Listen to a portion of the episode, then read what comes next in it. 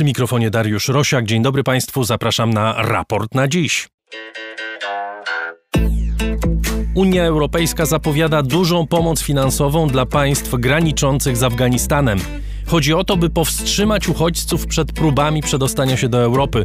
Unia nie chce powtórki z kryzysu migracyjnego 2015 roku, gdy kraje wspólnoty przyjęły ponad milion uchodźców z Syrii. Czy w przypadku uchodźców z Afganistanu Unii uda się połączyć ochronę granic z humanitarną postawą wobec ofiar wojny? O tym w raporcie na dziś 1 września 2021 roku. Raport na dziś to środowa odmiana raportu o stanie świata, programu finansowanego i wspieranego na różne sposoby przez słuchaczy. Wszystkich Państwa, którzy chcieliby zostać patronami raportu, zapraszam na mój profil w serwisie patronite.pl. Za jego pośrednictwem najłatwiej nas wesprzeć. Za wszystkie wpłaty, niezależnie od ich wysokości, z serca Państwu dziękuję, bo to dzięki nim może powstawać ten podcast. Adrian Bąk jest wydawcą, Chris Wawrzak realizatorem programu, który jest rejestrowany w studio Efektura w Warszawie.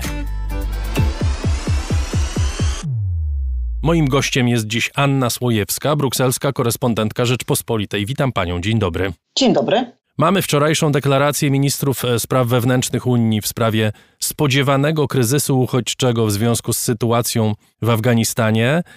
Ta deklaracja jest chyba początkiem debaty na temat tego, jak poradzić sobie z tą właśnie perspektywą napływu uchodźców. Co zostało ustalone? Ministrowie podtrzymali takie właściwie dążenie czy oczekiwanie wyrażane przez wielu przywódców Unii w ostatnich tygodniach, żeby właśnie nie dopuścić do powtórki kryzysu migracyjnego z 2015 roku.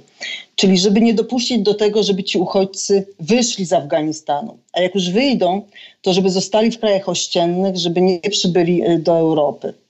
Czy to się uda, czy nie, to nie wiemy, no ale jest kilka takich metod, które mają e, iść w tym kierunku. Więc po pierwsze uzgodniono pomoc dla Afganistanu. To ma być dwojakiego rodzaju pomoc. Znaczy ona już właściwie wcześniej była obiecana, teraz została podtrzymana. Jedna to jest pomoc humanitarna. Ta pomoc jest udzielana niezależnie od tego, kto jest u władzy w Afganistanie. Więc nawet jeśli reżim talibski okaże się bardzo, bardzo krwawy, bardzo wrogi wobec międzynarodowych partnerów, to Unia za wszelką cenę będzie próbowała powstrzymać y, klęskę głodu w Afganistanie i będzie próbowała poprzez ONZ, poprzez organizacje międzyrządowe e, dostarczać taką pomoc humanitarną e, na miejsce. Druga to jest pomoc rozwojowa. Tutaj się mówi o około miliardzie euro, może więcej. I to już ma być element nacisku na talibów. Im bardziej oni będą um, zgadzali się um, ucywilizować, um, przestrzegać praw człowieka, puszczać też, przepuszczać posiadaczy wiz, którzy nie zdążyli w trakcie tej wojskowej akcji ewakuacji opuścić Afganistan i im bardziej będzie się zgadzała ich wypuszczać przez lotnisko, no tym mm, bardziej może liczyć na tę pomoc rozwojową. No i w kolejnym etapie, jeśli jednak ci uchodźcy by e, z Afganistanu w większych liczbach wychodzili, bo to, że oni w ogóle będą wychodzić, to, to, to wiadomo, oni zresztą od lat, kiedy popatrzy się na statystyki, to jest sporo Afgańczyków, którzy jednak, którym udaje się przedostać do Europy. No ale jeśli ta, ta, mm, ta fala uchodźcza by nabrała na sile, no to wtedy jest taki pomysł, żeby wspierać kraje ościenne, które zresztą już teraz tych afgańskich e, uchodźców przyjmują, to jest przede wszystkim Pakistan, w drugiej kolejności Iran, ale także być może Uzbekistan i Tadżykistan. Czyli mamy takie trzyczłonowe y, zapory, że tak powiem. Pierwsza to jest na granicy y, Afganistanu i tutaj Unia Europejska jest gotowa inwestować bardzo dużo w pomoc dla samego Afganistanu i to, na co pani zwróciła uwagę, bez względu na to, jaką formę przybiorą y, rządy talibów. Druga zapora to są państwa graniczne, czy raczej granice tych państw, które leżą w bezpośredniej bliskości Afganistanu, takie jak Pakistan, Iran, czy te państwa y, na północy. I dopiero w trzeciej kolejności to jest chronienie granic europejskich, prawda? Dobrze to odczytuję? Tak, to jest, to jest taka bardzo jasna lekcja płynąca z kryzysu w 2015 roku, żeby po pierwsze zatrzymać tych uchodźców na miejscu. Wtedy pamiętamy, ta wielka fala uchodźcza to była przede wszystkim efektem wojny w Syrii kiedy jest wojna, kiedy jest głód, wtedy ludzie w taki no, niekontrolowany, masowy sposób próbują, próbują wydostać się w jakieś bardziej bezpieczne miejsca. I no, to doświadczenie z tamtym kryzysem Wiemy, że ponad milion, milion trzysta tysięcy około uchodźców przybyło do Europy, większość E, do Niemiec. Oni się tam nawet całkiem nieźle w tych Niemczech integrują, pomimo tam różnych nieciekawych historii, ale państwo niemieckie ogromne pieniądze wyłożyło na naukę języka, na integrację, to tam nie, nie, nieźle idzie, no ale nikt już nie chce e, takiego ciężaru na siebie brać, nikt nie chce powtarzać tej sytuacji, boi się jednak tutaj i reperkusji politycznych, i utraty popularności i tego, że po prostu sobie z taką falą nie poradzi. Chociaż e, pani wspomina o tej integracji, to trzeba też zaznaczyć, że Afgańczycy są taką wspólnotą, która się najsłabiej e, integruje i to jest e, jasno widoczne z różnego rodzaju badań, które przeprowadzone są między innymi w Niemczech i to być może też jest jakaś nauczka czy jakieś ostrzeżenie dla niektórych polityków, zwłaszcza niemieckich. Wracając do tego, o czym mówi Unia Europejska, spektakularnie niewidoczna jest retoryka humanitaryzmu, na co zresztą chyba zwracali niektórzy politycy europejscy uwagę w tym, e, o czym pani przed chwilą mówiła, bo to jest wszystko takie bardzo technokratyczne. To znaczy, możemy wydać bardzo dużo pieniędzy. Jesteśmy gotowi na to, żeby wspierać ich gdziekolwiek, byleby tylko do nas nie przyjeżdżali. Natomiast niektórzy politycy chyba mieli problem z tym, że Unia no nie mówi tym głosem, którym mówiła w 2015 roku. Jest to retoryka taka bardzo obronna. To znaczy słychać głosy krytyki tego, o czym pan mówi, że to nie jest to, co no, Luksemburg Unia, zwłaszcza to nie jest, zwraca to nie jest na to uwagę. humanitarny.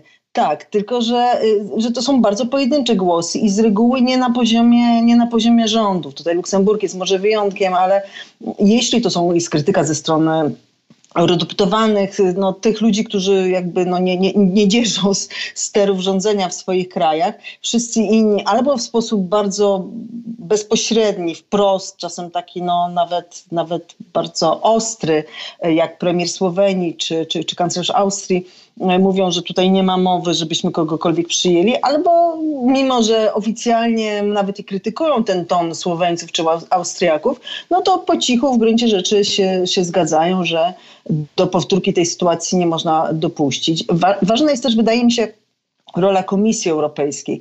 E, wtedy, sześć lat temu, Komisja Europejska narzuciła taki ton, że właśnie oto trzeba przyjmować tych wszystkich uchodźców e, i też popełniła kilka takich katastrofalnych błędów politycznych jednak, z których główny to narzucenie wbrew woli kilku krajów, w tym wbrew woli Polski, tych słynnych obowiązkowych kwot, czyli każdy kraj musi przyjąć określoną liczbę uchodźców mierzoną w relacji do, do, do jego zamożności, do liczby ludności. To nie tylko w żaden sposób nie pomogło rozwiązać kryzysu, bo te kwoty, no owszem, one były przez niektóre kraje realizowane, ale, ale to, to jakby nie rozładowało kryzysu. Co innego zdecydowało.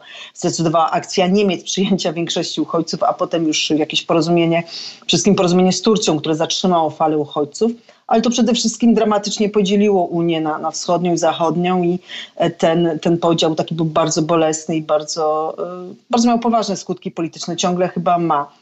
I teraz wiadomo, że do powtórki tego błędu politycznego e, nie można dopuścić. I Ursula von der Leyen, która jest przewodniczącą Komisji Europejskiej, która była ministrem w rządzie Angeli Merkel, chyba też rozumie, że jak, jak trudno będzie sobie z taką wielką, byłoby sobie z taką wielką falą uchodźców poradzić i taki powiedziałbym mocno e, jednak prawicowe nastawienie tu prezentuje. Może nie w retoryce, ale, ale, ale jeśli chodzi o fakty.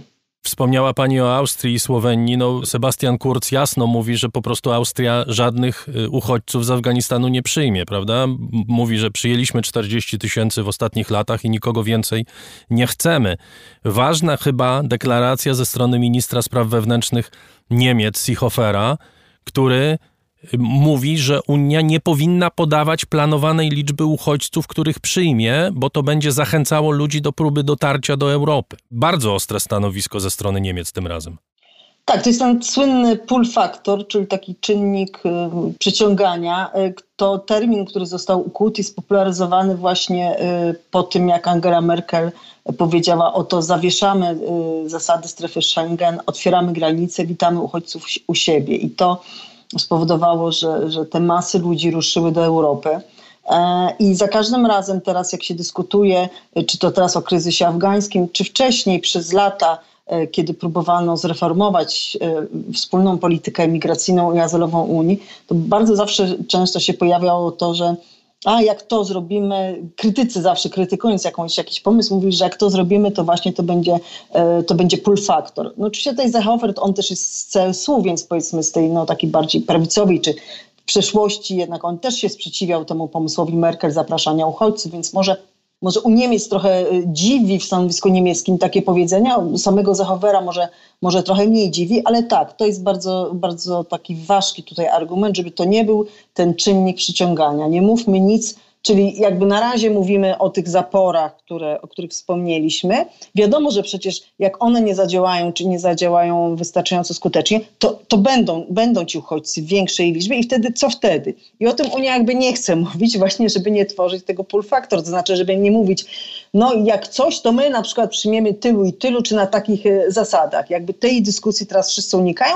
Nieoficjalnie mówi się, że może być taki taki plan, ale zupełnie dobrowolny, takich przesiedleń, mm, jakby, y, żeby rozładować trochę napięcie ludzi z Afganistanu, to znaczy nie tych, którzy już stoją na granicy, czy przepływają przez Morze Śródziemne, czy przechodzą przez, przez Azję Środkową, ale po prostu, żeby na miejscu określonych ludzi, nie wiem, y, obrońców praw człowieka, dziennikarzy narażonych na, na szykany, w szczególności kobiety, dziewczęta, żeby takich ludzi może w taki program dobrowolnych przesiedleń e, włączyć i wtedy państwa członkowskie by ileś, ileś tysięcy, kilkadziesiąt, może tysięcy, ale to nie mówimy naprawdę o jakichś wielkich liczbach, mogły przyjąć. Ale też o szczegółach nikt nie chce mówić, żeby nie tworzyć wrażenia, że Unia jest gotowa na przyjęcie większej liczby uchodźców. No dobrze, to porozmawiajmy o tej trzeciej zaporze, czyli zewnętrznej granicy Unii Europejskiej. Jak Unia Europejska ocenia to, co się dzieje na granicy Polski i Białorusi, nie tylko Polski zresztą, tylko Litwy i Łotwy tak samo. Bruksela ma takie same zdanie na ten temat jak Polska, to znaczy uważa, że to jest y, rodzaj zagrożenia hybrydowego, rodzaj wojny hybrydowej, czyli takiej wojny prowadzonej nietradycyjnymi metodami, nie poprzez wysyłanie żołnierzy, ale przez inne próby destabilizacji sytuacji wewnętrznej w kraju pełni popiera mm, takie przekonanie, że Łukaszenka po prostu jakby instrumentalnie, instrumentalnie wykorzystuje imigrantów szukających szczęścia, szukających lepszej przyszłości po to, żeby zaatakować kraje bałtyckie i polskie. I rzeczywiście zaskakujące, bo i ten brak tonu humanitarnego w dyskusji o kryzysie afgańskim, o którym pan wspominał, i brak jakichkolwiek pouczeń czy, mm, czy, czy y, wypowiedzi, opinii ze strony komisji, że oto może należałoby pomóc tym tym, zablokowanym na y, granicy białorus białoruskim migrantom. Nie, to znaczy cały czas jest mowa o tym, że że ta granica musi być dobrze chroniona i że jakby co to Unia pomoże, a dopiero gdzieś w drugim, trzecim zdaniu mowa jest o tym, no rzeczywiście prawa należy przestrzegać i praw y, imigrantów czy praw ludzi starających się o azyl i wnioski trzeba rozpatrywać, ale y, nikt Polski ani krajów bałtyckich za hamowanie tego napływu, e, no sztucznie jednak wykreowanego przez Łukaszenkę, tego napływu migrantów, e, tych krajów nie, nie krytykuje. I to jest postawa, która jest podobna jak w przypadku Litwy i Łotwy, prawda? To znaczy, pytam, rozmawiamy w momencie, kiedy jeszcze prezydent nie podpisał ewentualnie rozporządzenia o stanie wyjątkowym w tych kilkudziesięciu powiatach y, na granicy polsko-białoruskiej. Tutaj też nie należy spodziewać się jakiejkolwiek krytyki Unii, nawet jeżeli prezydent y, podpisze taką ustawę, ponieważ Litwa i Łotwa już dawno wprowadziły stan wyjątkowy na swoich granicach. Tak, absolutnie Unia tego nie będzie krytykować. Podejrzewam, że w ogóle tego nie skomentuje czy nie oceni, uważając, że to są wewnętrzne sprawy państwa. E, czy ono wprowadzi stan, stan e, taki wewnętrzny, jakiś stan e, sytuacji nadzwyczajnej, czy nie. Ale Unii w tej chwili przede wszystkim zależy na tym, żeby te granice zewnętrzne były bezpieczne i dopóki to jest robione w sposób w miarę cywilizowany, a jednak na granicy białoruskiej, mimo różnej krytyki ze strony organizacji pozarządowych i, i, i działaczy humanitarnych, jednak to pewne normy są przestrzegane. Dopóki to tak wygląda, to Unia na pewno nie będzie krytykowała, no wręcz jest zadowolona, że przynajmniej w jakimś gorącym punkcie e, te państwa graniczne Unii wypełniają swoje obowiązki i po prostu strzegą granicy, która jest jednak granicą zewnętrzną całej Unii Europejskiej. I gdyby ci imigranci zaczęli napływać do Polski, to by stworzyło, stworzyło ten, ten czynnik właśnie przyciągania i Łukaszenka by zaczął ich przepuszczać czy wysyłać więcej, no to przecież wiadomo, że oni nie chcieliby zostać w Polsce czy na Litwie, prawda, tylko by chcieli na przykład pojechać do Niemiec, więc tutaj wszyscy są zadowoleni, że te kraje graniczne wykonują swój obowiązek. A czy Unia ma przygotowany plan na to, co mogłoby się wydarzyć, jeśli Łukaszenka zacząłby sprowadzać Afgańczyków y, w masowych liczbach? Bo czasami podaje się to porównanie Łukaszenki i Erdoana w 2015-16 roku. Moim zdaniem to porównanie jest błędne, bo Erdoğan miał naprawdę prawdziwych uchodźców i to kilka milionów, prawda? Łukaszenka nie ma żadnych uchodźców, nikt nie ucieka do y, Białorusi, y, tylko ich sprowadza samolotami i im za to płaci jeszcze na dodatek. To jest dosyć zasadnicza różnica i jest to akcja przez niego przygotowana, przez niego prowadzona, przez jego służby y, egzekwowana. Natomiast no, nie można wykluczyć takiej sytuacji, że ta akcja się rozwinie, jeśli Łukaszenka uznałby, że działa.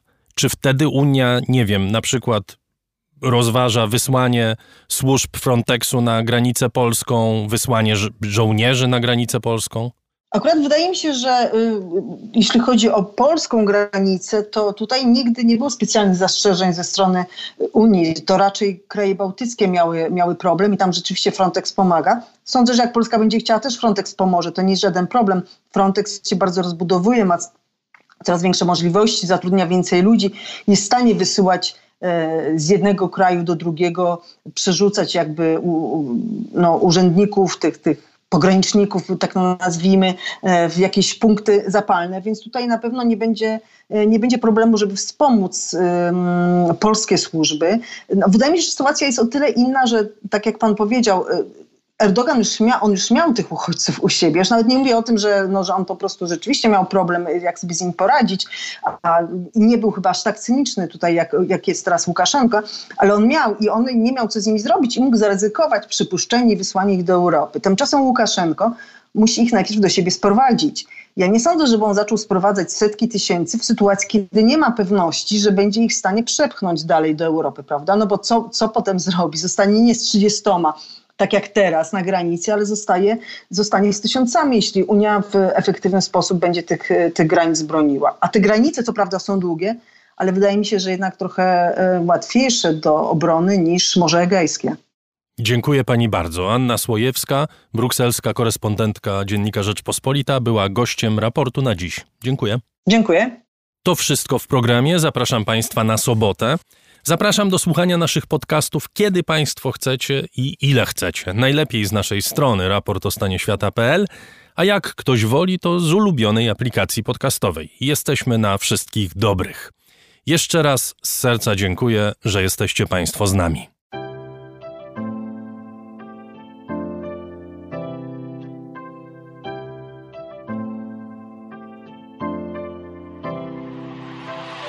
Raport o stanie świata od marca ubiegłego roku rozwija się dzięki Państwa zaangażowaniu i szczodrości. To dzięki Wam możemy opowiadać o świecie przy pomocy dźwięków. Dzięki Wam ten program jest przygotowywany w profesjonalny sposób z zachowaniem najwyższej jakości, bo na nią właśnie zasługują słuchacze raportu o stanie świata. Z serca dziękuję wszystkim Państwu za wpłaty. Wasza hojność jest dla mnie ogromnym zobowiązaniem. Zbiórka na patronite.pl ciągle trwa, zachęcam do udziału. Najhojniejsi patroni raportu o stanie świata to artrage.pl książki dostępne dla każdego. Za tyle, ile chcesz zapłacić. Bierz i czytaj. Hotel Bania, Termal i Ski w Białce Tatrzańskiej z nowoczesnym centrum konferencyjnym.